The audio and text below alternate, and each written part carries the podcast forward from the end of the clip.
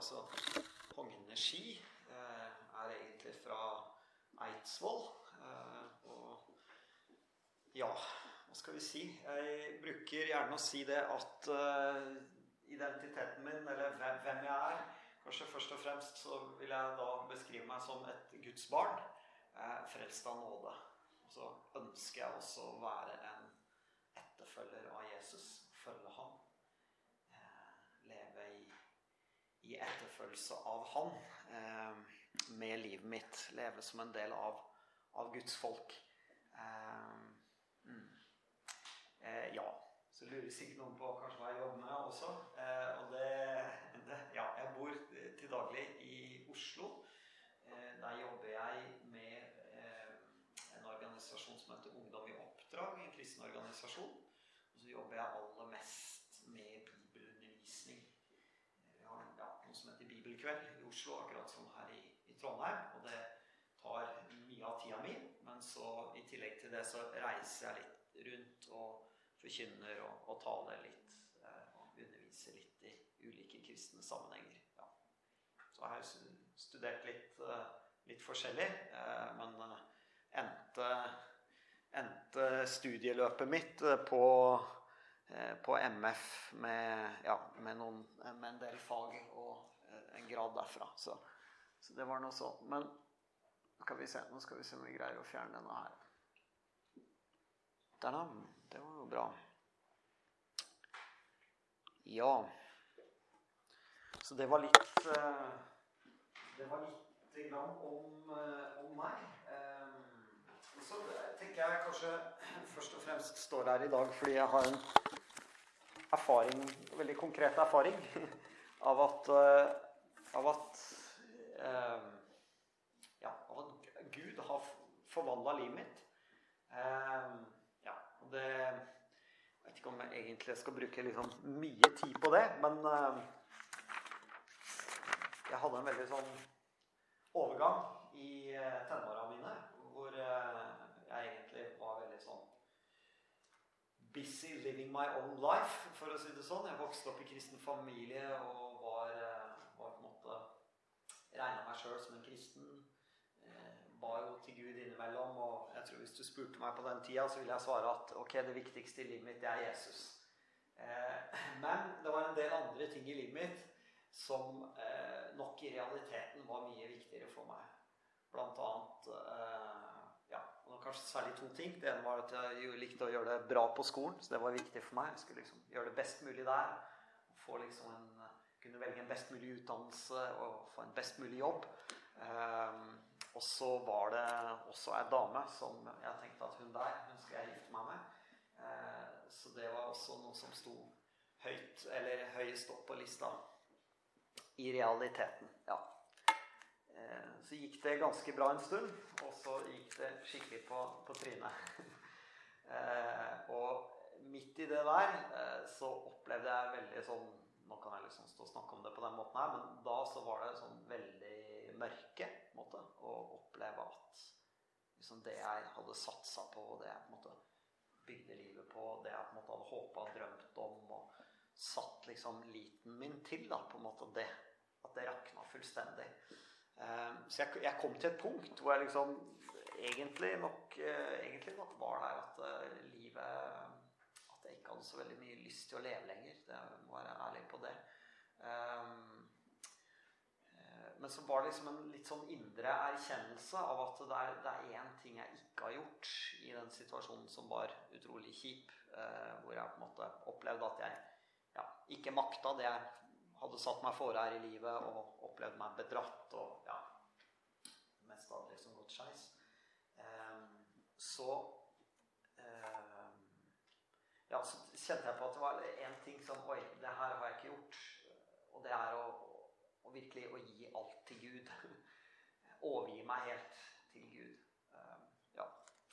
Så jeg ba en enkel bønn i egentlig bare helt i sånn fortvilelse og desperasjon. At Gud, nå gir jeg alt til deg. Eh, og så, selv om jeg nok egentlig var litt der at jeg tenkte livet skylder meg noe, på en måte. At her har på en måte livet vært dårlig, og folk har vært kjipe med meg, og liksom, litt sånne ting. Så, så, i møte med Gud så kjente jeg at oi, men jeg har jo også synd i livet mitt. Jeg har jo også ting jeg trenger å omvende meg fra. Så jeg bekjente min synd innenfor Gud. Eh, og så Ja, jeg kom, kom fra en sammenheng hvor jeg ikke hadde blitt døpt som barn òg. Sånn at det også var noe som hang over meg den tida der. Litt sånn om Vil jeg liksom la meg døpe? Vil jeg liksom virkelig bli begravd? Overgi herredømme i livet mitt til Jesus Kristus? Eller, eller vil jeg ikke det, på en måte? Og, eh, ja. Så det ble en sånn prosess for meg da i den, den tida av livet eh, som endte med et, eh, et, stort ja til Jesus eh, og en overgivelse til Jesus.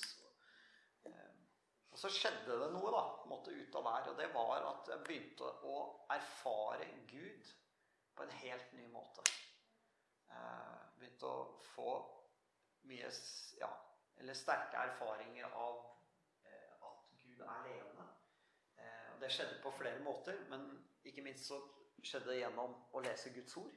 At veldig mange ting i Plutselig så var det liksom sånn at hei, liksom, Når jeg leste, så var det liksom sto vers ut, og liksom bare Oi, ja, men det her taler jo til meg. Og så Oi, her leste jeg noe i Gammeltestamentet men det henger jo sammen med det i Nytestamentet. Og så eh, plutselig så var det Ja. Så var det noe litt annet. Eh, eller noe helt annet enn det det hadde vært før. Eh, så det var det ene. Og det andre var at eh, i tida som fulgte, så hadde jeg ganske, flere ganske sånne sterke opplevelser av Guds nærvær. Og Guds liksom Oppleve at eh, også måte at eh, noen eh, For jeg var innom litt ulike kristne sammenhenger, men også noen kristne sammenhenger hvor man var veldig åpen for at Gud kan tale. på en måte Enten komme med et budskap i, i tunger, eller, eller, bare minne noen om noe. Og sånn så opplevde jeg på en sånn, ja, litt sånn forunderlig måte da, ganske sånn konkrete ting som jeg skjønte at Oi, dette her som sies nå, det er til, til meg fra Gud.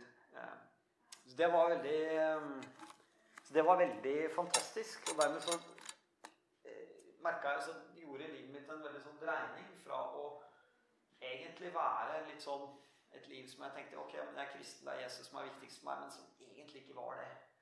Eh, til et liv hvor jeg merka at ok, det jeg hadde jobba veldig hardt for, da, skole og skulle få best mulig utdannelse og, eh, og få denne flotteste dama, de tingene kjente jeg ah, Det betyr faktisk ikke så mye.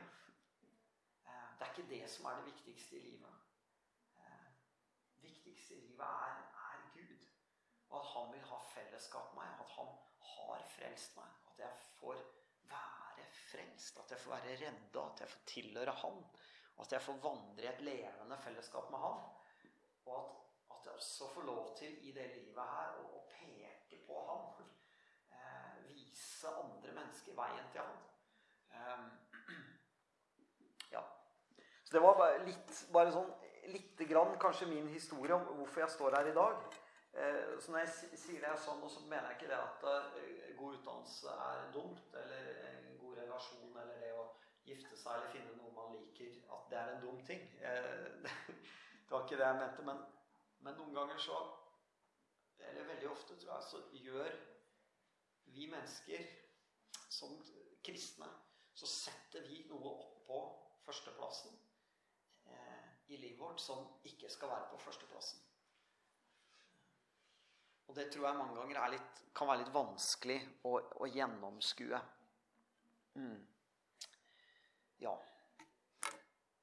Yes. Eh. Ja, jeg har en del tanker, og så er jeg litt sånn spent på uh, hva, ja, hva, jeg skal legge vekt på og ikke legge vekt på. Uh, Ingebrigt ba veldig fint for oss, men jeg bare følte jeg hadde litt lyst til å bare be sjøl òg. Og så har jeg lyst til å utfordre deg òg til å liksom egentlig stille hjertet ditt litt sånn spørsmål. For noen ganger så løper vi et sted, eller jeg åpner Bibelen, merker jeg en god del ganger, og så, så er jeg egentlig ikke helt der, liksom. Altså, jeg er ikke der at jeg egentlig tenker at nå skal jeg lese noen ord fra den levende Gud. Og han er her for å tale til meg. Eh, jeg er liksom mer litt i min egen greie når jeg begynner å lese, eller når jeg begynner å be, eller, eller sånne ting. Så, ja. så jeg liker gjerne å ha en litt sånn check på det. eh, for min egen del, men også når vi er samla på den måten som nå, at vi liksom stopper opp litt, og så stiller hjertet vårt liksom et liksom spørsmål at ok, men vil jeg Tror jeg at Gud kan minne meg om noe viktig i kveld? Og, og er jeg på en måte villig? Er jeg villig til å er jeg villig til å lytte til det han har å si? Mm. Så la oss bare ta litt stillhet, og så be en kort bønn.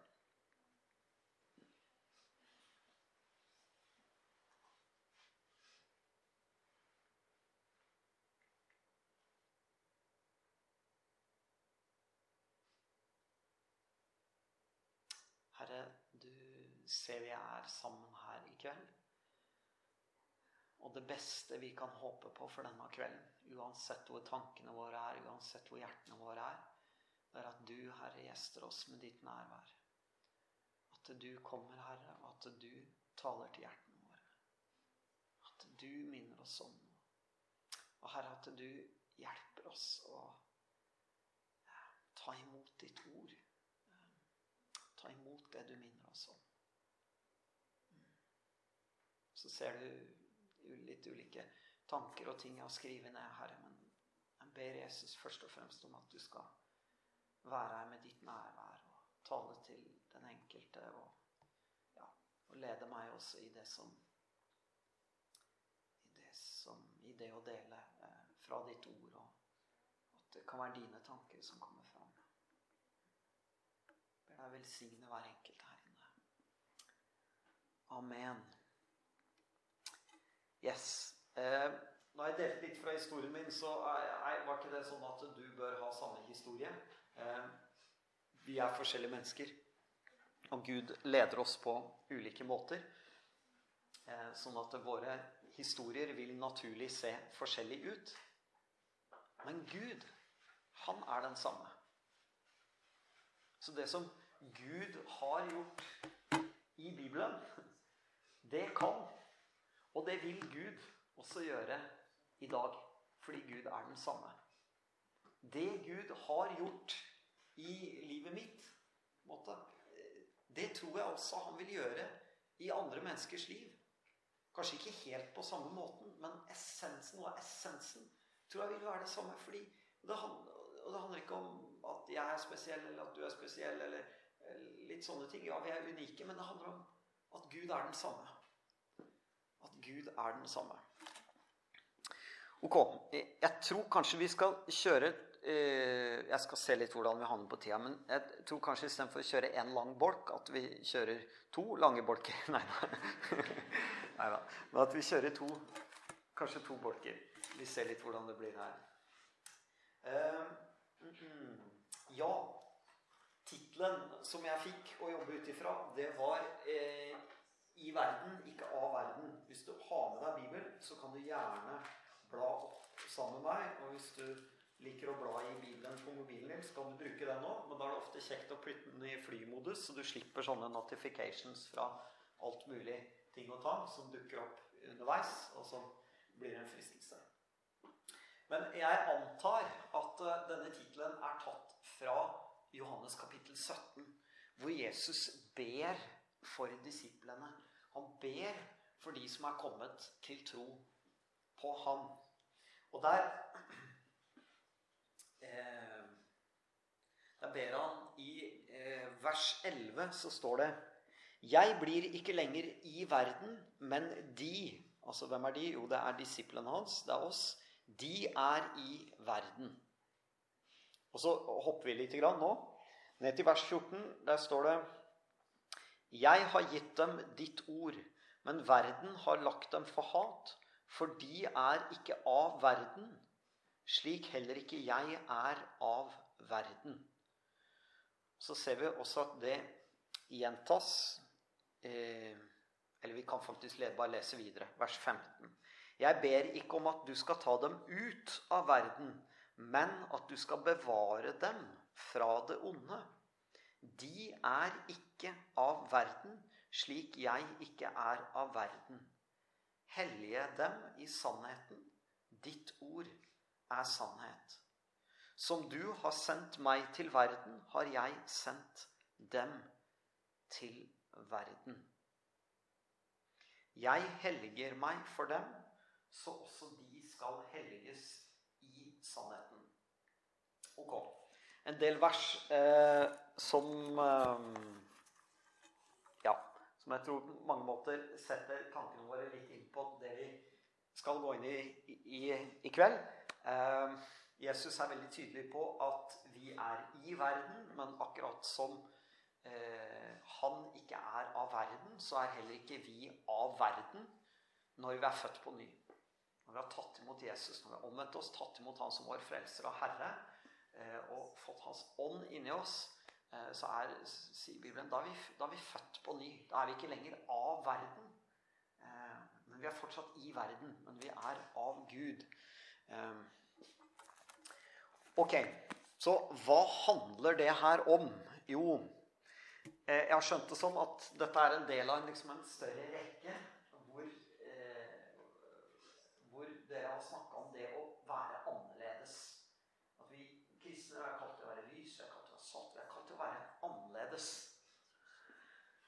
Eh, men så tror jeg mange ganger at du og jeg lett stiller spørsmålet ja, men er jeg egentlig det, da?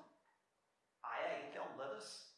Så det er ikke noe fancy powerpoint i dag. Så jeg skal bare snakke litt om situasjonen. Sånn situasjonen er for mange av oss. ok? um, og jeg tror noen ganger liksom, det spørsmålet skaper litt sånn frustrasjon da, i oss. Hvis det henger med meg på, på, det. Fordi vi kan liksom oppleve at ok eh, Vi skal være annerledes, skal vi vel? Eh, men er jeg egentlig det? så er kanskje opplevelsen min at Nei, men jeg er vel egentlig kanskje ikke så annerledes enn alle andre. Og det er klart noen eh, I noen kristne sammenhenger så løser man det med å på en måte si at nesten alle er innafor. Ved å si at liksom, ja, men de aller fleste mennesker tror jo på Gud. Så de aller fleste mennesker er jo egentlig kristne. Eh, de bare vet ikke selv. um, Problemet med en sånn forståelse er når vi kommer til Bibelen og vi ser at Jesus sier til de som tror på ham, de som følger ham, at dere er, er jordens salt. Dere er verdens lys. ikke sant? Altså, dere er som skal være på fjellet. Her, ser vi han bruker eh, Vi omtales som de hellige, vi omtales som lysets barn. Ikke sant? Mange sånne begreper som gjør, det, som gjør det veldig tydelig at de som er født på ny, de er, og de skal være, noe helt annet enn alle andre i verden. Mm. Og så tror jeg også, for en del av oss så blir det litt sånn Som en venn av meg sa, at han liksom begynt i en ny jobb. Og så eh, kom han i jobben, og så tenkte han ja, ikke sant, jeg er jo kristen. Eh, det er kanskje egentlig ingen andre som er her på jobben. Men ja, jeg, hvordan skal jeg liksom vise Jo, jeg, jeg kan liksom være han hyggelige, da. Han positive, liksom. Eh, men så oppdager han det at eh, Ja, men alle andre er jo det. Alle på jobben er jo kjempehyggelige. Alle på jobben her bidrar jo til et positivt miljø. Og så bare blir det litt sånn Ok, men eh, hva skal jeg gjøre da? da? Hva, hva er min rolle da?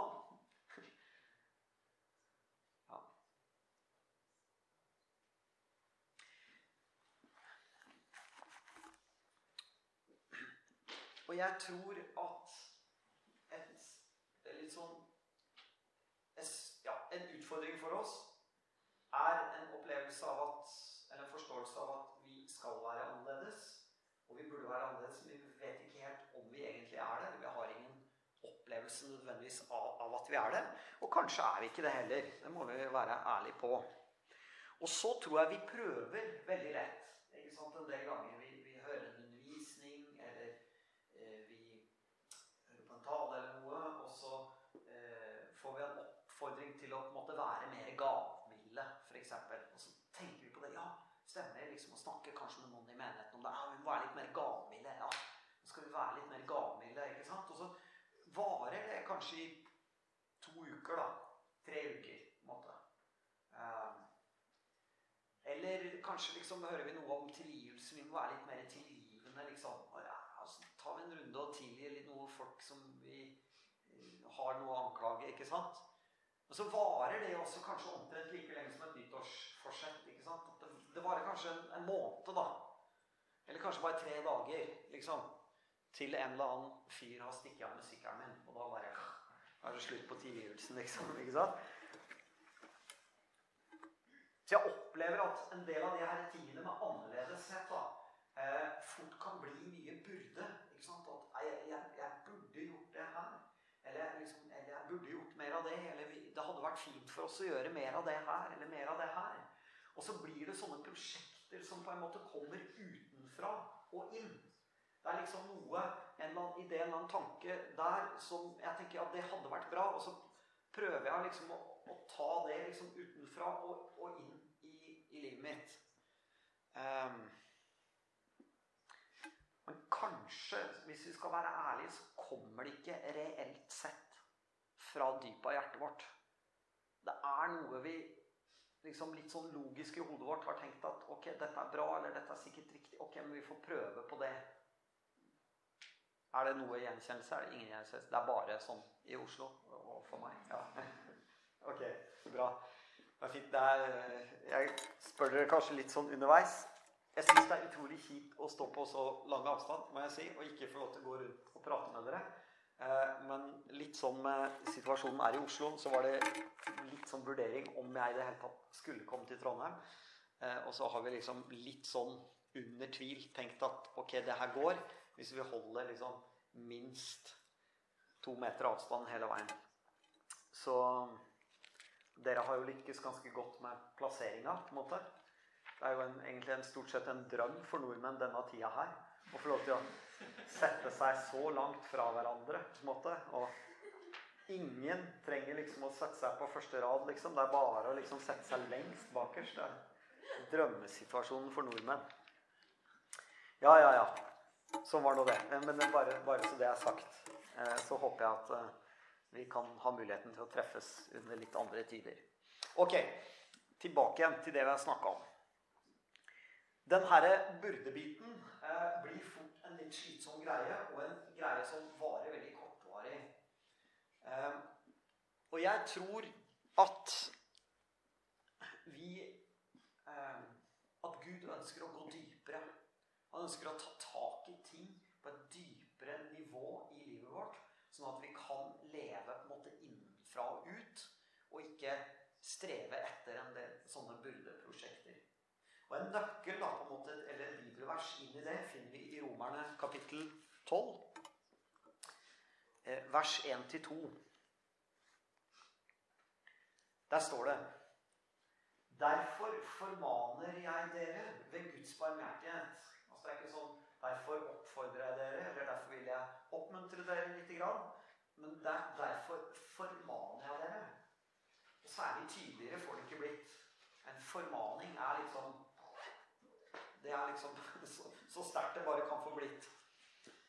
Bær kroppen fram som et levende og hellig offer til glede for Gud. Ja, hva ligger det?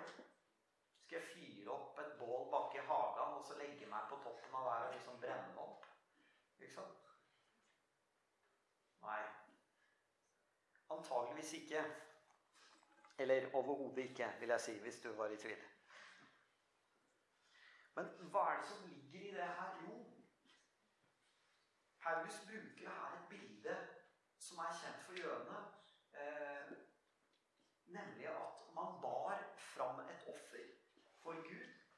Og med alt det offeret var, så ble det brent opp til Gud. Man overga det helt til Gud. Så det han sier, er at det han formaner oss til, er å bære oss sjøl fram. Våre liv, våre kropper, alt vi er og har. Fram til Gud. Overgi oss til Gud. Og så står det i fortsettelsen Innrett dere ikke etter den nåværende verden, men la dere forvandle ved at sinnet fornyes så dere kan dømme om hva som er Guds vilje, det gode, det som er til glede for Gud, det fullkomne. Ok. Um, denne oversettelsen så står det 'innrett dere ikke etter den nåværende verden'. Det brukes et ord på gresk der som man um, sliter litt med å oversette til norsk. Uh, en engelsk oversettelse sier 'do not be conformed to this world, but be transformed'. Med andre ord bli ikke forma lik den verden dere lever i, men bli forvandla. Hvordan da? Jo, ved at sinnet fornyes. Sinnet vårt, hva handler det om? Jo, det handler om vårt, vårt indre. Det handler om tankesettet vårt. Det handler om de dype tankene våre. De dype forståelsene våre av hvordan denne verden er. Det er det som må fornyes. Fordi når det fornyes, hva er det vi kan da? Jo, da kan vi dømme om hva som er etter Guds vilje. Det gode, det som er til glede for Gud, det fullkomne. Og dette her skriver han til mennesker som er kristne. Han sier, bær, 'Kom igjen, bær dere fram. Overgi dere helt til Gud.' Bli ikke forma lik denne verden, men la dere forvandle ved at Gud får lov til å fornye sinnet deres. Mm. Eh, et annet sted som vi leste i stad, som jeg også syns er interessant i denne sammenheng, det er Johannes kapittel 17. Hvor da Jesus sa 'hellige dem i sannheten'. Ditt ord er sannhet. Ja, hva betyr egentlig det? Ikke sant? Det er noe som de som har vært innom kirka Jeg vet ikke om man sier det masse nå lenger, men i hvert fall er det noe, noe som har vært en del av liturgien. Da, på en måte. Hellige dem i sannheten. Ditt ord er sannhet.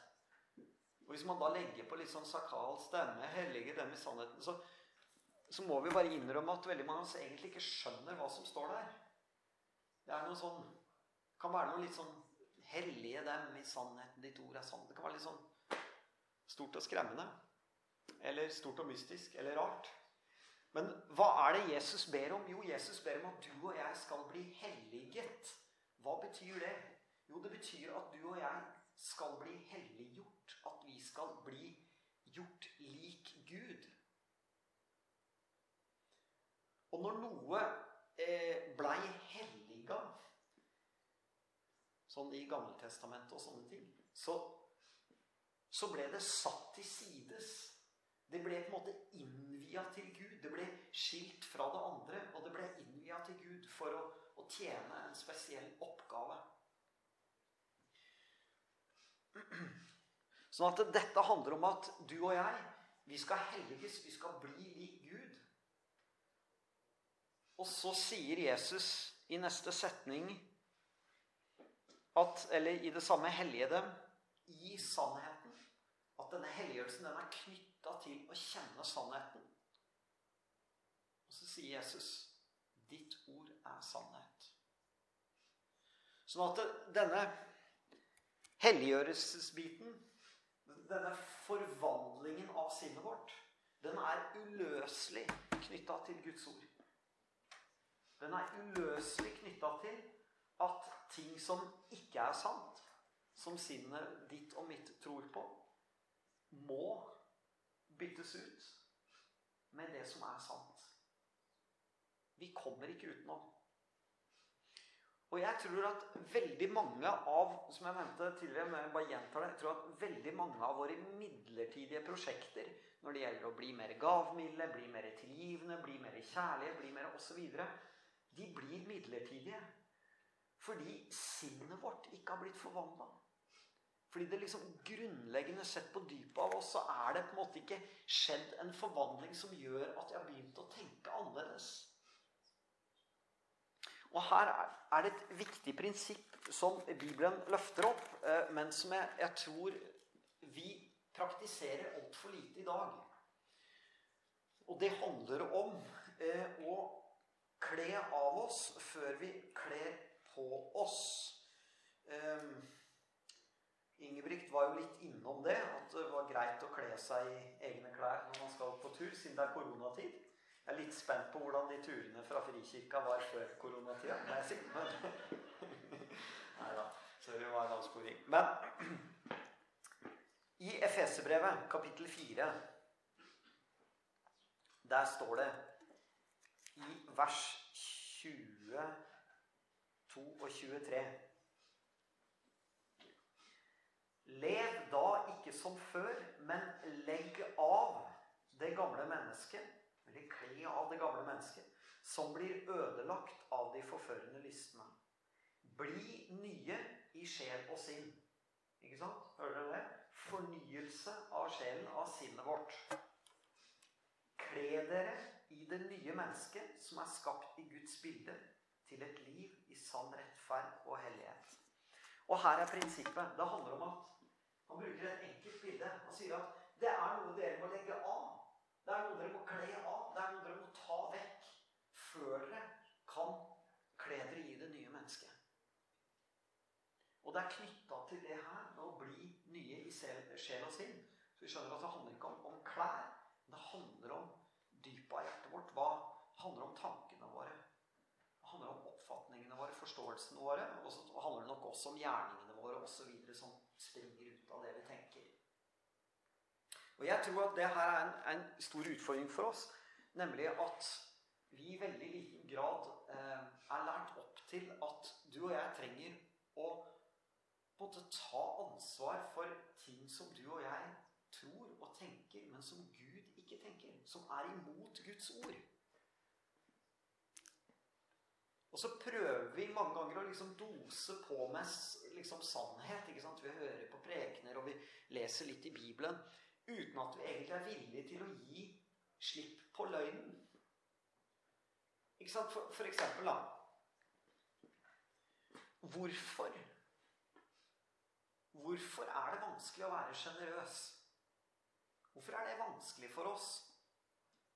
Hvorfor er det vanskelig for oss å være sjenerøse med, med, pengene våre, f.eks.? Ja, tja, ikke sant Man kan jo begynne å tenke Men så kan man komme opp med ulike ting. Men, men i bunn og grunn så er det jo en veldig rar greie. ikke sant? For man kommer i kirka, det er kollekt, da. på en måte. Så er det liksom sånn, så kommer kollektgreia, og så eh, Eller du, du, skal gi kort, eller gi med vips, eller hvordan du gjør det.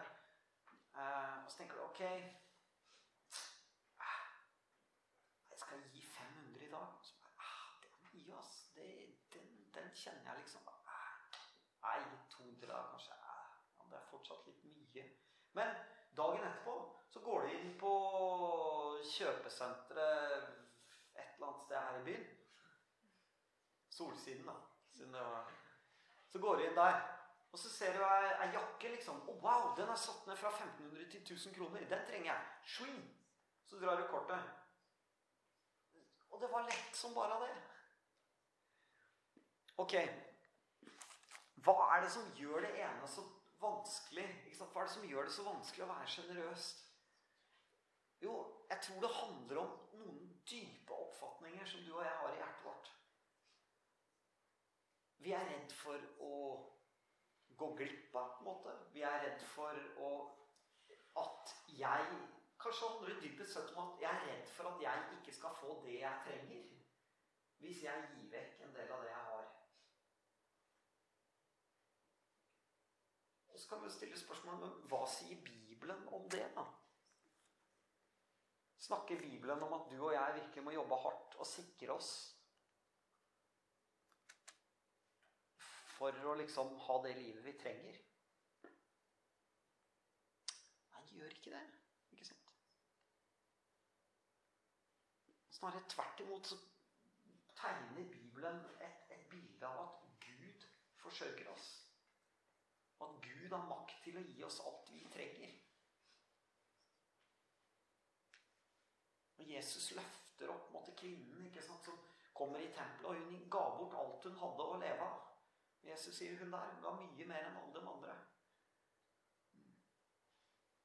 Så hvorfor er det så vanskelig for oss? Jo, det berører dypest sett noen løgner som du og jeg går, tror har liksom kommet til tro på i dypet av hjertet vårt. Og så lenge du og jeg ikke på en måte tar i tu med den løgnen, så lenge ikke du og jeg tar ansvar for den, så tror jeg veldig mange ganger at våre prosjekter med forbedring eller forandring blir veldig midlertidig. Um, så Gud ønsker å fornye sinnet vårt. Gud ønsker at vi skal forvandles. Ikke bare at vi skal prøve å gjøre en forandring, men at vi genuint sett skal forvandles innenfra. Ved at hans sannheter får lov til å mer og mer slå rot i hjertene våre. Og at du og jeg får leve ut ifra det. At, at, vi, at, vi, begynner å ikke bare kjenne sånn at ja, ja, nå koster det meg ikke så mye lenger å gi 500 kroner eller 1500 kroner eller hvor mye jeg gir. Men, men liksom, nå, nå, kjenner jeg at det gleder meg. Jeg koser meg over å få lov til å gi.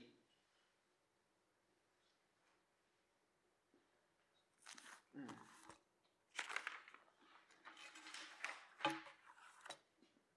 Ok.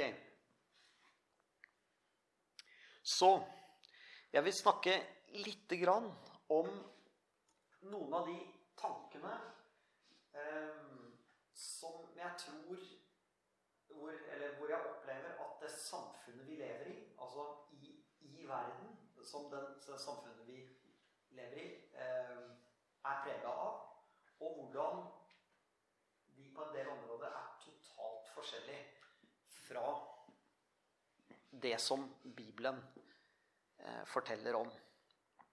Mm. Um, og på mange måter så forteller Bibelen sant, en lang historie fra begynnelse til slutt. Og den historien forteller oss noe om hvem Gud er, hvem vi er. Eh, hva, hva, den virkeligheten vi lever i, hva, hva, den er for noe. Hva som er noe verdt, hva som ikke er noe verdt. Hva som er sant, hva som er løgn. Men så er det ikke sånn at du og jeg, at det er den eneste historien du og jeg utsettes for. Fordi det er på mange måter en annen historie som fortelles i samfunnet vårt. Og jeg tror uansett hvem du og jeg er, uansett hvor mye vi har lest i Bibelen, hvor mye vi har bedt, hvor mye vi har vært på møter, så er du og jeg i noen grad, i stor grad, i liten grad Det kan se forskjellig ut, men prega av den historien som fortelles i verden. Ja, jeg vet ikke, Dette kunne vi brukt mye tid på. Jeg vet ikke om jeg skal bruke masse masse tid. Men jeg har bare kalt det liksom de to historier. Bibelen er veldig tydelig på at du og jeg, vi kommer fra Gud. Det er Han som har skapt oss. Det betyr at du og jeg er skapt, og vi er villet. Vi er designa av Han. Vi er skapt, og vi er villet. Hva er det som i utgangspunktet fortelles ute i verden? Jo, det er det at denne jorda vi lever på, og vår eksistens, er en tilfeldighet. Og det der er en himmelvid forskjell. Som har enorme konsekvenser Altså, Kristne kritiseres jo i dag liksom for, å, for, å, si at noe er rett, noe er galt. Både når det gjelder liksom kjønn og samliv og forskjellige ting. Og, og man, eh, liksom det tas tak i det at ja, men, eh, når man sier det her til mennesker eh, liksom så, Eller det å bare si det og hevde at noe er rett og galt, eh, det kan føre til at mennesker får det så tøft og vanskelig. Eh, og jeg tror som kristne så trenger vi La meg bare si det først. Så trenger vi å på en måte lytte godt til kritikk. Eh, vi har godt av det. Vi har godt av å tenke gjennom om vi har Guds hjerte i ting. Om, om vi har Guds hjerte i ting, om vi formidler det vi tror på, på riktig måte. Så det har vi veldig godt av. Så det er ikke det jeg prøver å si nå. Men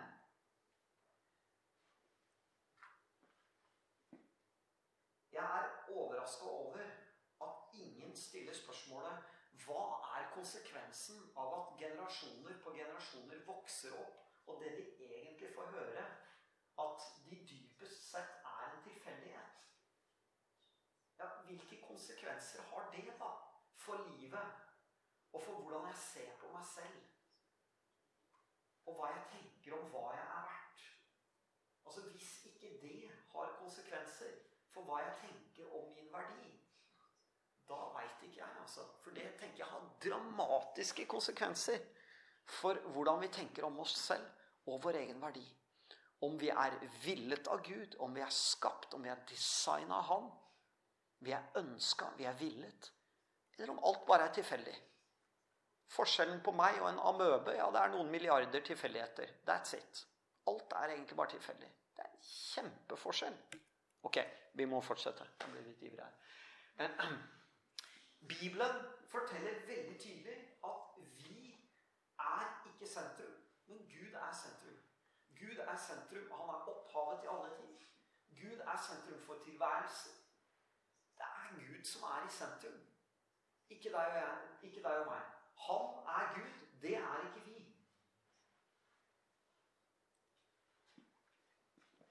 Men vi lever i en tid og en samfunn som på mange måter setter oss i. Det er vår kunnskap, det er vår logikk, det er våre behov. Det er oss, det er vi, som er i sentrum. Det er oss alt dreier seg rundt.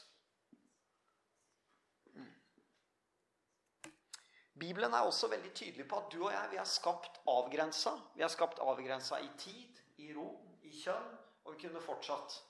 Men vi er skapt avgrensa. Og den avgrensningen, det at Gud har avgrensa, det er på en måte en, en, grunnleggende ting. Det er en forutsetning for hele tilværelsen, verden sånn som den er.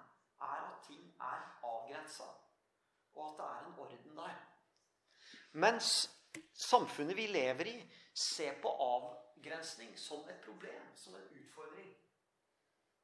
Vi skulle stadig rukket mer. Vi skulle gjerne vært på flere plasser samtidig. Vi skulle gjerne hatt gjerne 48 timer i døgnet, og ikke 24 timer i døgnet. Altså, Avgrensning ses stadig vekk på som et problem, en utfordring. Mm. Og etter hvert så smitter det her også over ikke sant, på, på at eh, kjønn altså Hvorfor skal man avgrenses i kjønn? Det er jo en utfordring og et problem osv. Eh, jeg skal ikke snakke noe om, om det nå i kveld, men, men bare vil bare løfte fram det generelle med et samfunn som ser på avgrensning som et problem. Ok. Videre så er Bibelen veldig tydelig på at du og jeg er skapt avhengige. Vi er skapt avhengige. Vi er skapt til å være avhengige av Gud. Vi er skapt til å være avhengige av hverandre. Ok? Det, det er ikke snakk om da på en måte en us, Nå snakker jeg ikke om en sånn usunn avhengighet som man kan utvikle. ikke sant? Altså Du blir helt sånn Kanskje var du Michael Jackson-fan, og så ble du så avhengig av Michael Jackson, så når han døde, så liksom bare ramla hele tilværelsen din sammen. ikke sant? Den usunn avhengighet. Så det er ikke det jeg snakker om, snakker om men vi er grunnleggende sett skapt til å være avhengig av Gud, mennesker og naturen. Vi er skapt i relasjon. Mens samfunnet vi lever i, oppmuntrer oss egentlig til å være mest mulig selvstendige. Det er et veldig sånn positivt ord. Være selvstendig. Være selvforsynt. Ikke være avhengig av noen andre. Være selvtilfreds. ikke sant? At du og jeg er min egen lykkesmed. ikke sant? Vi, vi, jeg greier å liksom arrangere min egen lykke. Mm. Siste Bibelen er veldig tydelig på at du og jeg vi har vår identitet i det å være et avbilde av Gud. Altså, Gud har gitt oss en identitet. Vi er gitt en identitet. Og når vi tar imot Jesus, når vi blir født på ny, så blir vi også gitt identiteten som Guds barn, som Guds folk. Mens samfunnet er etter min mening, eller verden vi lever i, mye mer i retning av at du må skape deg en identitet. Du må bygge deg et image. Må, I utgangspunktet er du ingen. Ikke sant? I utgangspunktet er det en tilfeldighet, og så må, du, så må du bli noen. Du må ha noe å vise til.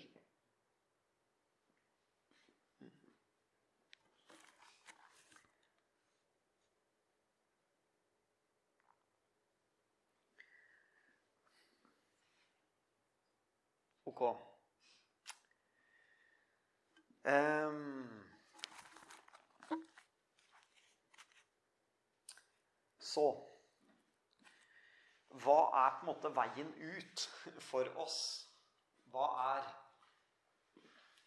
Hvordan kan du og jeg på en måte gå fra å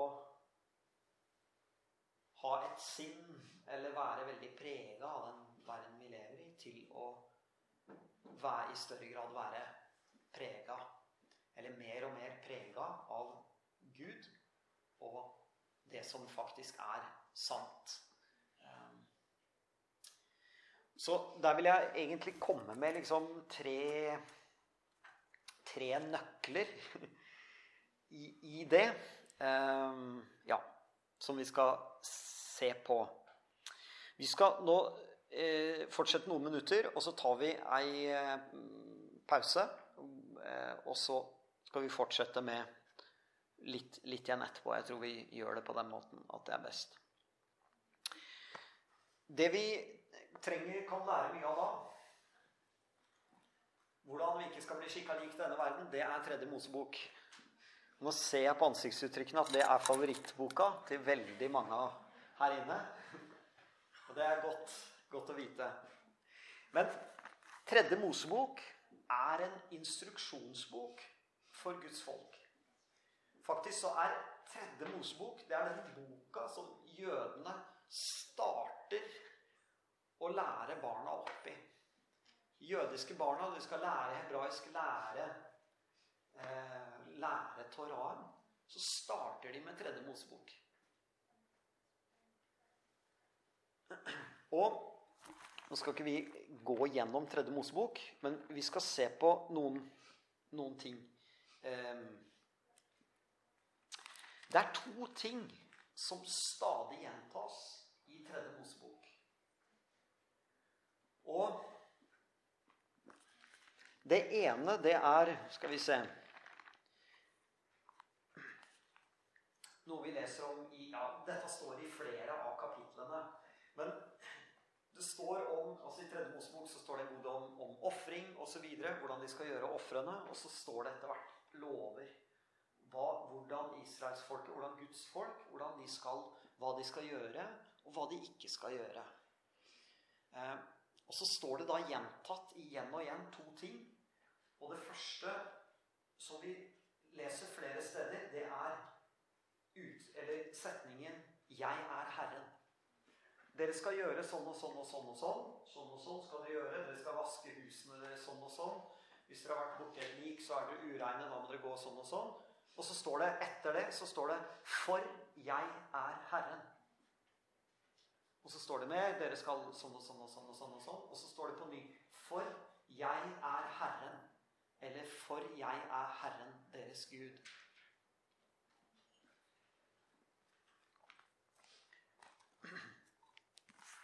Hva mener Gud med det? Jo, ved å gjenta det igjen og igjen, så ønsker, tror jeg, da, at Gud ønsker å tydeliggjøre for sitt folk at det er Han som er Herren, at det er Han alene som er Gud, og at det er Han som er referansepunktet. Det er Han til syvende og sist alt dreier seg om. Det er Han som på en måte bærer hele eksistensen ved sin kraft. Det er han som er begynnelsen, det er han som er enden. Han er referansepunktet. Han er utgangspunktet. Og sånn må det være for vår del også. Hvis vi skal være hans folk, og hvis vi skal være et annet folk, et folk som ligner Gud, så må Gud være referansepunktet. Han må være utgangspunktet for livet. Han må være det vi måler ting opp imot, om noe er sant eller usant. Hans ord er det som vi må bruke for å avgjøre om noe er rett eller galt. Og det må stå fast for oss at det er han som er Herren. Han er på en måte mer Eller altså Jeg har egentlig lyst til å si at Gud er mer virkelig enn den verden vi lever i. Men det er ikke riktig å på, på en måte, Det blir ikke feil å si Eller altså, det kan bli litt feil å si. Fordi det er ikke sånn at den verden vi lever i, den er uvirkelig. Men mange ganger fordi du og jeg lever i en verden hvor det som er usynlig, ikke sant? altså det overnaturlige Vi hører det bare på språket vårt at det at Jesus gikk på vannet, ja, det er høyst usikkert. Det er, om det skjedde, så var det noe overnaturlig. ikke sant? Det vil si at det, det, er noe som er naturlig, og så er det noe som er overnaturlig. Og det er på en måte litt sånn illusorisk, liksom. Er, vi kan ikke være helt sikre på det. Men det som vi kan ta og føle på, måle osv. med instrumentene våre, det kan vi være helt sikre på. Og så dras du og jeg inn i en sånn tankegang òg at ja, Gud, jo, jeg tror at han finnes, men, eh, men liksom Men så er Bibelen helt tydelig på at Gud sier 'Jeg er Herren'. Han er begynnelsen, han er enden. Alt det vi kan ta og føle på, måle osv., det er midlertidige ting.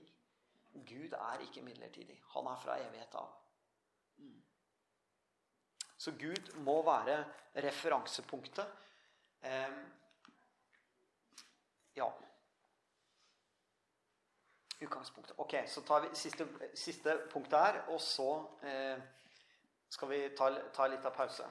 Det andre som gjentas flere ganger i Tredje Mosebok, det er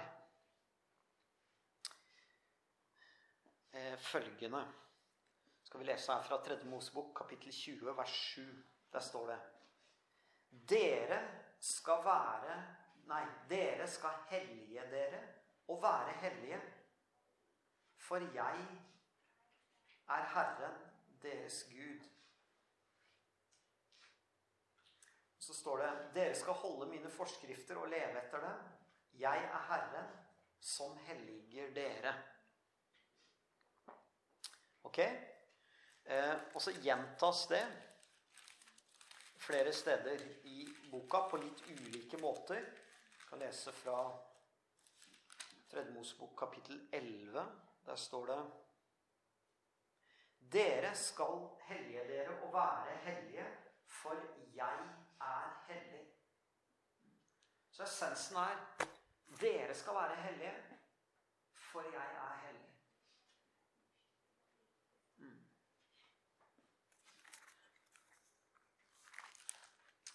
Ok.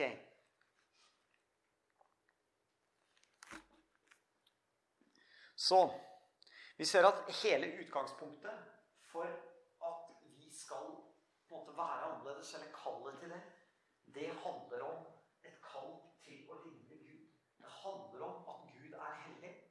Derfor kaller han oss til å ligne ham, til å være lik ham. Det er utgangspunktet.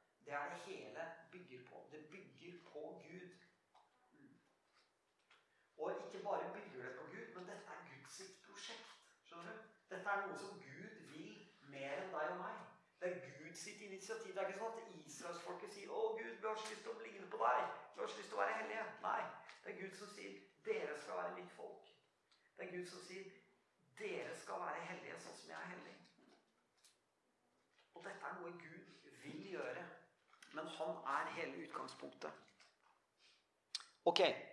Vi skal ta en liten refleksjon, og så skal vi ta en liten pause. Og så skal vi gå videre på disse tre nøklene på liksom veien inn i Eller ja, tre nøkler inn i eh, Inn i forvandlingen av sinnet vårt. Ok. Her har jeg eh, eh ja, sitert en eh, amerikansk kar som heter Ken Helser.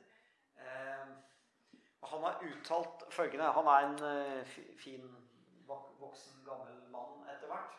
Men han har vært en del turer i Norge og undervist litt, bl.a. i Ungdom i oppdrag og litt forskjellige sammenhenger. Han sier følgende Anything you look to for identity and security is really your God. Altså uansett hva det er du og jeg ser til for å finne vår identitet og vår trygghet, det er der vi finner vår Gud. Og Hva er det han mener med det, Johan? Mener med det at ok Der hvor jeg henter tryggheten min, og der hvor jeg henter identiteten min, det er i bunn og grunn det jeg bøyer meg for. Enten det er jobben, eller det er familien, eller det er pengene mine, eller hva det er. Men der som jeg henter tryggheten og identiteten min, Det er det som kommer til å holde meg våken om natta. Det er det siste jeg kommer til å ofre. Det er det jeg kommer til å holde for hellig i livet. Og det er det jeg kommer til å bøye meg Ja, vi var i eh, Tredje Mosebok. Um,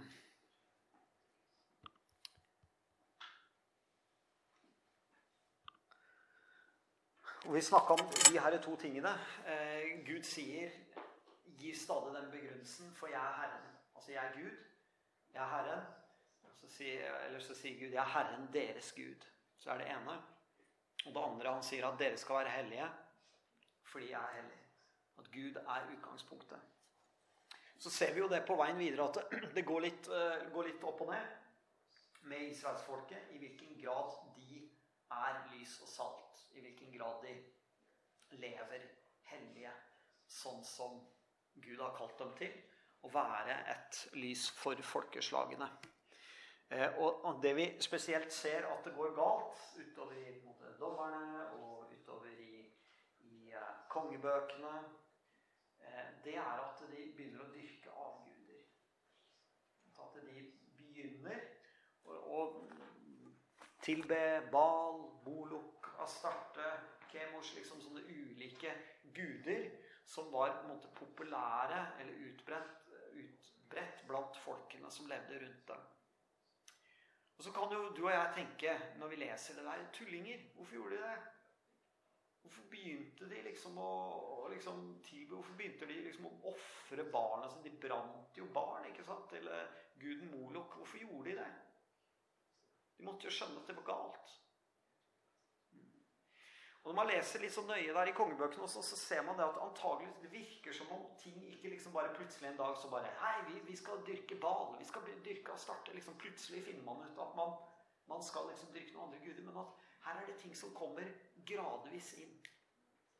Og hva handla dyrkingen av de gudene om? Jo, i bunn og grunn så er stort sett så godt, eller alle, så vidt jeg vet, av de ulike avgudsnavnene som nevnes bl.a. i kongebøkene, samfunnsbøkene og sånn, det er navn på guder som knyttes til fruktbarhet. Og hva handla det om? Jo, det handla jo om at menneskene på den tiden, akkurat som i vår tid, gjerne vil sikre seg. ikke sant? Man vil være sikker på at avlinga blir god. Man vil være sikker på at alle i familien er friske. Man vil gjerne være sikker på at ekteskapet går bra, at man får mange barn osv. Man vil sikre seg. Man vil hente sikkerheten sin fra, fra et sted.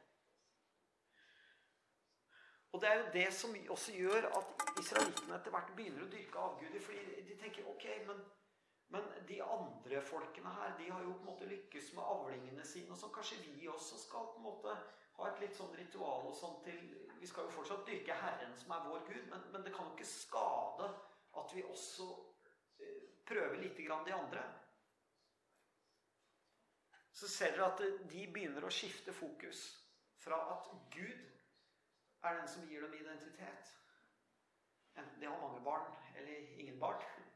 Eh, enten de har stor avling eller liten avling.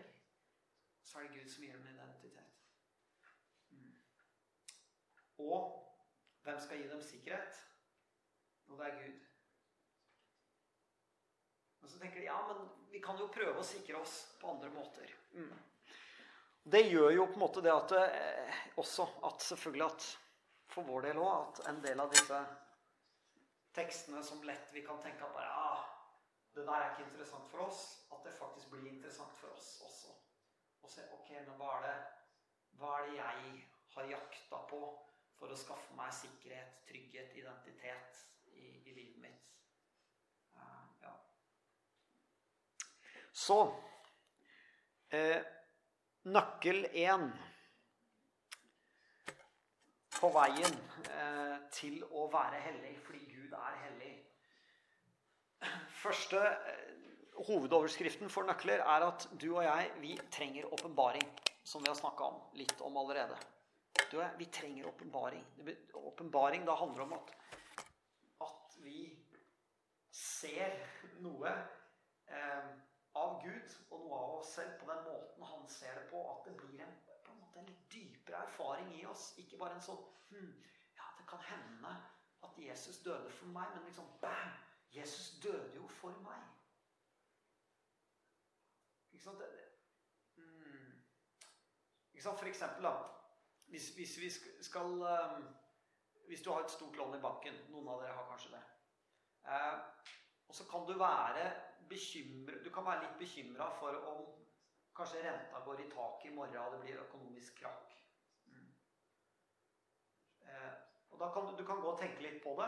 Men hvis du har en, får en åpenbaring om at det kommer til å skje, da ligger du der våken hele natta, og liksom det første du gjør om morgenen, det er å legge ut hus og leiligheten og bilen og bikkja alt til salgs, liksom. ikke sant? For at du vil sikre deg. Men skjønner du, altså en åpenbaring det, det er en litt sånn dypere Og det er noe Gud må eh, hjelpe oss med. Vi kan ikke skaffe oss åpenbaringer. Litt som jeg nevnte, Det er noe han må gjøre ved sin ånd. Mm. Så hva er det vi trenger åpenbaring på? Jo, vi trenger å se Gud, hvem Gud er. Vi trenger åpenbaring fordi Hvor henter jeg det her fra? Jo, jeg henter det fra andre Mosebok. Fordi når Gud kaller et folk i Gamle Testamentet, og vi ser hvordan han gjør det, så er det også måte, et mønster for hvordan Gud vil kalle oss, og Gud vil, hvordan Gud vil lede oss som hans folk. Det står i i Romerbrevet kapittel 9, eh, nei, Romerbrevet kapittel 11 det står, så står det at du og jeg, eh, som på en måte hedninger Nå jeg ikke, kjenner jeg ikke alle dere, men, men, eh, jeg vil anta at de færreste her egentlig er jøde av slekt. Kult hvis noen er det, men, men, jeg er ikke det. Jeg er egentlig hedning av slekt. Og der står det i Romerbrevet så står det svart på hvitt at du og jeg er egentlig en villkvist som er poda inn på oliventreet betyr at du og jeg, som etterkommere av, av gærne vikinger og hedninger og kanskje litt alt mulig annet, eh, vi er i utgangspunktet ikke Guds folk. Det står i Efeserbrevet at vi var uten tro, vi var uten håp, vi var uten Gud i denne verden. Det var, er egentlig vår stilling. Men så podes vi inn og blir en del av Guds folk gjennom Jesus Kristus. Så Det betyr at det Guds folk som måtte, Gud allerede har valgt seg ut måtte, fra Gammeltestamentet, det er på en måte det vi regnes inn i. Vi blir Adams ett gjennom Jesus Kristus. Det betyr at vi har noe å lære av det Gud allerede har gjort med sitt folk. Så første nøkkel se hvem Gud er, og tro ham. For hva er det som skjer når Gud velger seg ut sitt folk? Hvor er israelsfolket da? Hvilket land er de i? Et fint ferieland. Ok, altså Han har jo valgt ut folket egentlig allerede med Abraham. Men liksom, når er det Israel-folket liksom får Egypt. Gud. De er i Egypt. Hvordan har de det i Egypt? Dårlig? Ja. Hvorfor det? Fordi feriestedene var stengt? Var slutt på diskoen. Hva, hva er greia i Egypt? Hva er situasjonen? De er slaver. Yes. Bra. Ikke sant? De er holdt som slaver i Egypt. Hvordan er den religiøse situasjonen i Egypt? Jo, egypterne tror på mange ulike guder. De har en, en gud for Nilen, de har en elvegud, de har en solgud De har mange ulike guder som de tror på og dyrker. Og farao han regnes også som guddommelig. Han står i et spesielt forhold til gudene. Det er den virkeligheten vi fores med. Det er den virkeligheten vi fores med. Egypterne eh, de er over oss. Vi er under dem. Eh, sånn har gudene bestemt det, og gudene har satt farao på toppen. Og hvis vi gjør opprør der, så vil kanskje gudene bli hissige. Og da vil det kanskje ikke sola stå opp i morgen, og da blir det trøbbel. Så det må vi for all del ikke gjøre. Det er på en måte den virkeligheten de har lært i Egypt. Så hva er det første Gud gjør for å fri dem ut fra Egypt? Jo, han sender ti plager over Egypt. Og så tenker vi ja, men var det nødvendig, da? Unødvendig av Gud å liksom plage og liksom fæle greie, liksom. Kunne ikke Gud bare droppa det? Men så leser vi i Andre Mosebok kapittel 12, så sier Gud denne natten skal jeg gå gjennom Egypt og slå i hjel alle førstefødte i landet, både mennesker og dyr. Og så står det Og jeg skal holde dom over alle gudene i Egypt. Punktum. Jeg er Herren. Punktum, står det. Så står det samme i fjerde Mosebok. At Gud holder dom over gudene i Egypt. Så hva er det som er poenget med plagene? Jo, poenget er jo at Gud viser at han er Gud. Og at eh, den elveguden Hapi som de dyrker og tror på, eh, den er ikke Gud. Det er en falsk gud. Det er en avgud. Eh, for selv om de dyrker den, så kommer Gud, og så gjør han, gjør han elvevannet til, til, blod. Ikke sant? Og så sender han formørkelse, så ser de at solguden ikke er egentlig Gud. Så avslører Gud alle de falske gudene. Og israelsfolket får se at Gud er Gud. Det er ingen annen Gud. Det er bare han som er Gud. Og det eh, Og så fortsetter du videre, da, for etter alle de plagene så gjør Gud det som er umulig. ikke sant? Han tar dette lille israelsfolket, som etter hvert har blitt stort i, antall, men de har ingen våpen, de har ingenting. Han tar og frir dem ut av verdens største militærmakt på den tiden. Det som alle sa var umulig, det som var totalt umulig i menneskelig forstand, det gjør Gud. Så hva er det du og jeg trenger åpenbaring på? Jo, du og jeg trenger åpenbaring akkurat som israelsfolket på at Gud virkelig er Gud. At Gud er levende. At Gud er virkekraftig. Og at ingenting er umulig for Gud.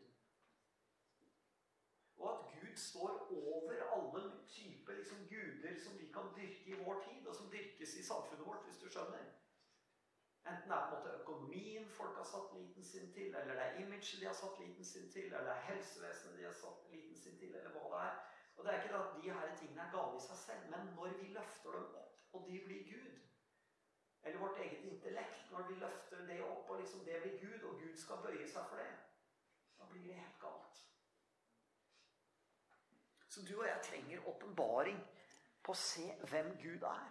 Og at ingenting er umulig for Gud. At han er levende, at han er virkekraftig. At han er den eneste sanne Gud. Og det finnes ingen større trygghet eller forsikring for noe her i verden enn hos Herren. Og det begynner vi kanskje å få en litt sånn anelse av nå som plutselig alt vi liksom har stort på liksom har, Vi har hatt så trygt helsevesen og hatt så trygg økonomi, og så bare kommer det ett lite virus, og så bare rister alt sammen. Og så står verdenslederne der og klør seg i hodet og er usikre på hva de skal gjøre. Og så står forskerne og jobber alt de kan, og så sier de at vi får tidligst en vaksine om så så lenge. ikke sant? Så så vi, begynner vi liksom, begynner å ane at oi, kanskje er det en del av de tingene vi har satt liten vår til, som det ikke er grunn til å, å sette liten til. Ikke grunn til å løfte opp på et sted hvor bare Gud skal være. Mm. Yes. Så vi trenger å se at, hvem Gud er, og vi trenger å tro ham. Tro at han er levende, tro at han er virkekraftig. Sånn som israelsfolket. De ser hva Gud gjør, de tror ham, og de følger ham på det. Det andre er at vi trenger å se hva frelse er. Eh, Israelittene på vei ut av Egypt så slakter de påskelammet. Eh, de må stryke det på dørene. Eh, og når de gjør det, så tar de en sjanse. De handler i tillit til Gud. Eh, vi leser i kapittel 8 i andre Mosebok tror jeg, at Moses sier til fara at våre skikker når vi ofrer til Gud, de er avskyelige i deres øyne. Altså i egypternes øyne. Eh, og det stemmer nok, for egypterne de knytta gjerne eh, dyr og guder sammen. Sånn at dyreofring var ikke så veldig vanlig i Egypt. Så når da israelittene skulle ofre påskelammet, så løp de en viss risiko for å få bråk med egypterne. Men de tok en sjanse. De handla i tro. De var lydige i Gud. Og de blir spart fra Guds dom. Ikke fordi de er bedre enn egypterne, men fordi de tror Gud og handler på det Gud sier. Så skal vi lese noen vers fra Nytestamentet som handler om det der med å se hva frelsen er. Fordi en, en mann som jeg tenker virkelig levde et liv som var annerledes, så var det Paulus. Han var eh, Hele hans liv lukta av at han var i verden, men han var ikke av verden. Og, og så kan man stille seg spørsmålet hvorfor. Hvorfor holder han Hvordan greier han å leve så annerledes og måte, så radikalt gjennom hele livet? Og Det kan være flere grunner til det, men jeg tror en av grunnene til det er at Paulus har fått se hva frelsen er, og han holder fast i det. Altså, han har en dyp måte, forståelse av frelsen. Og frelsen den er så kjær for ham og så viktig for ham det, at han skikkelig holder fast i det. Og det tror jeg har masse å si inn i våre liv òg. Hvor viktig er egentlig frelsen for oss? Og der tror jeg vi alle har en vei å gå med å, å på en måte at Gud kan få åpenbare enda mer for oss vår frelse. Vår avhengighet av hans frelse. Mm. Jeg skal bare lese noen Bare nevne det.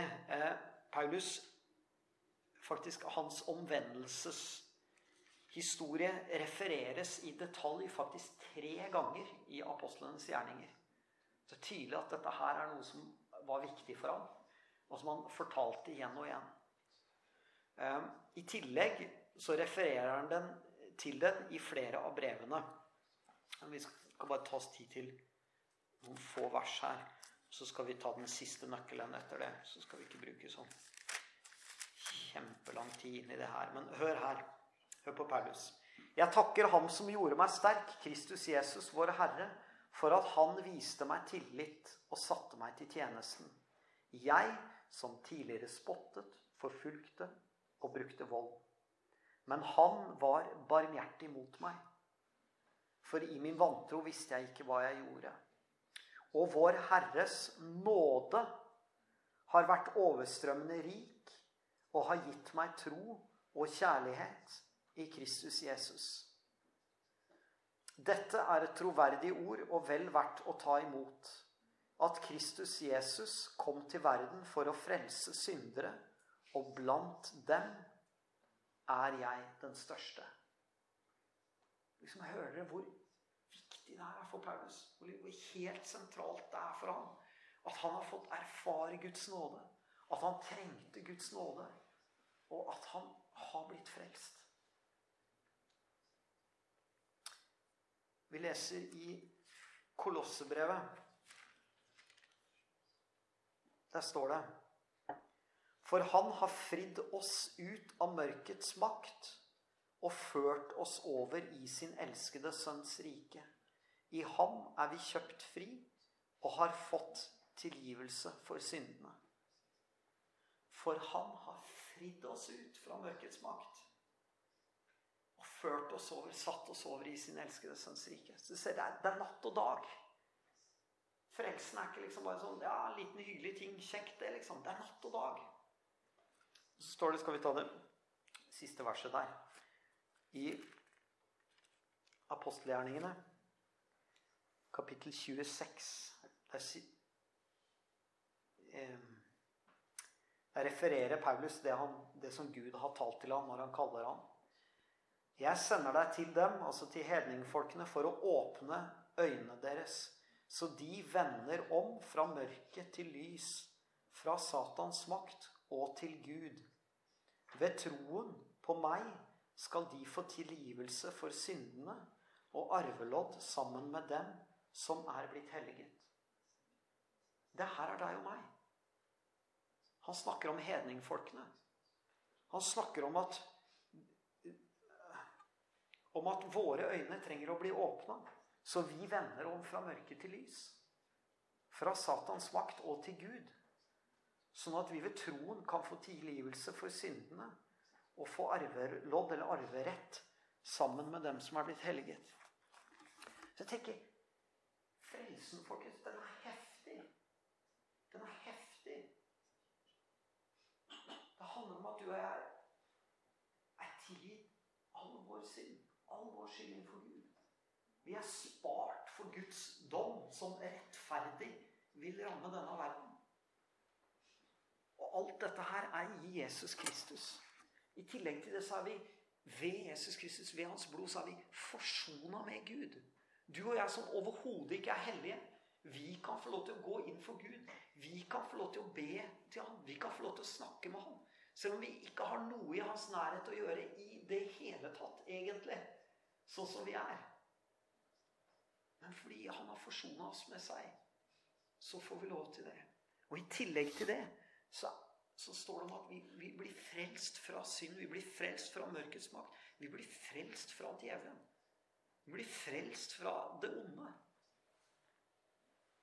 Og det er bare ved Jesu blod. Jeg tenker sjøl altså, Hvor stor er egentlig frelsen for meg? Er det noe jeg ikke skjønner helt her? Og jeg tror svaret er ja. Jeg tror det er noe som mange av oss ikke skjønner helt, hvor stor frelsen er. Men vi ser at for Paulus så lever han et liv ut ifra en dyp erkjennelse at han er frelst. Og det gjør at han Ja, det blir tydelig at han her, han er ikke av denne verden. Man lever i verden. Man lever for noe annet. Mm. Siste nøkkel. For det å se hvem Gud er, og tro ham Det å se hva frelsen er, og omfavne den Det leder oss forhåpentligvis til å se hvem vi er som Guds folk. Hvem vi er som Guds folk. For det er noe av det første, det første som Gud sier til israelsfolket når han har leda dem ut av Egypt, det er at eh, altså Gud frir til dem. På mange måter så er det et ekteskap som blir inngått der ved Sinai. Og det som Gud taler da ved Sinai Det første han taler, det er dette skal du si til Jakobs hus, altså til israelsfolket, og fortelle til israelittene. Dere har sett hva jeg gjorde med egypterne, hvordan jeg løftet dere på ørnevinger og bar dere hit til meg. Hva betyr det for vår del? Jo, vi, er, vi har ikke vært fengsla i Egypt, men vi har alle vært slaver synden. Vi har alle trengt frelse, vi også. Og så sier Gud videre ehm, Hvis dere adlyder min røst og holder min pakt, skal dere være min dyrebare eiendom framfor alle andre folk for hele jorden er min. Dere skal være et kongerike av prester og et hellig folk for meg. Dette er de ordene du skal si til israelittene. Altså, dere skal være min dyrebare eiendom framfor alle andre folk. Altså, vi skal være hans folk. Og et kongerike av prester og et hellig folk for ham.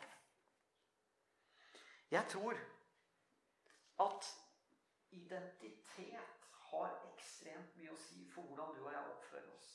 For hvordan du og jeg tenker. Hvis jeg er blitt fortalt hele livet at Hogne, du får ikke til noe, du er ei kløne, du får ikke til noe Jeg begynner å tenke det sjøl. Det er det hjertet mitt sier. Så er det klart, så blir jeg levende ut ifra det. Da begrenser det meg. Eller f.eks. Liksom, om jeg så egentlig bare har følt Nei, men du er en gangster. Liksom. Du er en gangster, du er kriminell. Alle i familien din har vært gangstere, kriminelle, bankranere. Og så raner jeg en bank eller to, da, ikke sant? så blir jeg bua inne. og så Det eneste jeg får høre av dommeren og de i fengselet og Nei, du er gangster. Du er jo Motiverer det meg da til å gjøre, handle annerledes? Selvfølgelig ikke. For identitet er avgjørende for hvordan vi tenker, og hvordan vi handler. Derfor tror jeg dette er noe av det første Gud tar tak i med sitt folk. Han tar tak i deres identitet. Han sier dere skal være mitt folk. Og det dere primært er, det er et kongerike av prester og et hellig folk for meg. Det skal være deres identitet. Og Der tror jeg vi har en utfordring. Fordi vi lever liksom et land hvor vi får tenke, eller hvor vi lett sier det, i hvert fall i språket vårt, at vi har en tro. Ja, jeg har en tro. Jeg tror. Jeg har en tro. Men sier jeg om meg sjøl at jeg er en del av Guds folk? Sier jeg om meg sjøl at jeg er en del av et kongerike av prester? Så hvis du lurer på om det her bare blir tatt til israelittene, så gjør det ikke det. Det står også i 1. Peters brev, kapittel 2, vers 8 eller 9, så står det akkurat det samme. Så hvor er det jeg har identiteten min? Nei, jeg, jeg er en generasjon som Ja, jeg har en tro, og så skal vi prøve å redde verden med noen ting. Nei.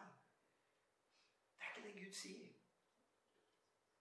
Gud sier at du er en del av mitt folk. Du er en del av mitt folk. Du er hellig ikke fordi du har gjort alt riktig, men fordi det er det du er og skal være på grunn av det Jesus har gjort. Du skal være kongerike av prester, hellig folk for Gud. Og Det tror jeg er avgjørende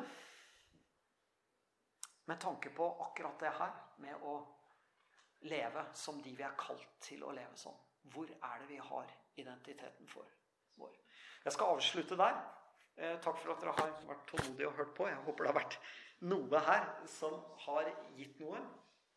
Eh, men bare liksom for å oppsummere litt, siden jeg har snakka lenge Så jeg bare liksom trekke litt linjene til å ha falt og sovna litt. Det er lov, det. Men jeg starter med å snakke om at det å skulle være lys og salt, det er fort noe som kommer utenfra. Vi prøver å ta utenfra istedenfor at det kommer innenfra. Og at Gud ønsker å gjøre noe med tankene og forståelsene vi har i dypet av hjertet vårt. Der er vi avhengig av at Gud åpenbarer for oss hvilke løgner og ting som vi har trodd på, hvor vi egentlig er lik denne verden, mer lik denne verden enn vi er lik sannheten i Guds ord. Mm. Og så, når vi da ber om åpenbaring, hva er da på en måte veien vår inn i de sanne tankene? Inn i, i Guds sannheter? Jo, det handler om én at vi trenger å se hvem Gud er. At han fortsatt er levende, at han fortsatt er Gud, at han fortsatt er virkekraftig. To, det handler om at du og jeg trenger å se frelsen. Få åpenbaring på frelsen. Sånn at frelsen ikke er bare noe som ja, er kjekt å ha det.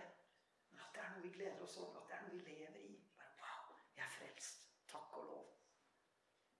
Og punkt nummer tre identiteten vår. At den ikke først og fremst er ja, jeg er en del av ja, jeg er trønder, jeg er eidsvolling, jeg er det og det, eller ja, jeg er ingeniør, jeg er sånn og sånn. Nei. Jeg er en del av Guds folk. Enten halve Norges befolkning stryker med i korona, enten jeg lever ti uker til, fem dager til, uansett hva som skjer. Jeg er en del av Guds folk. Jeg tilhører Han. Samme hva som skjer. Jeg tilhører Han. Jeg er hans.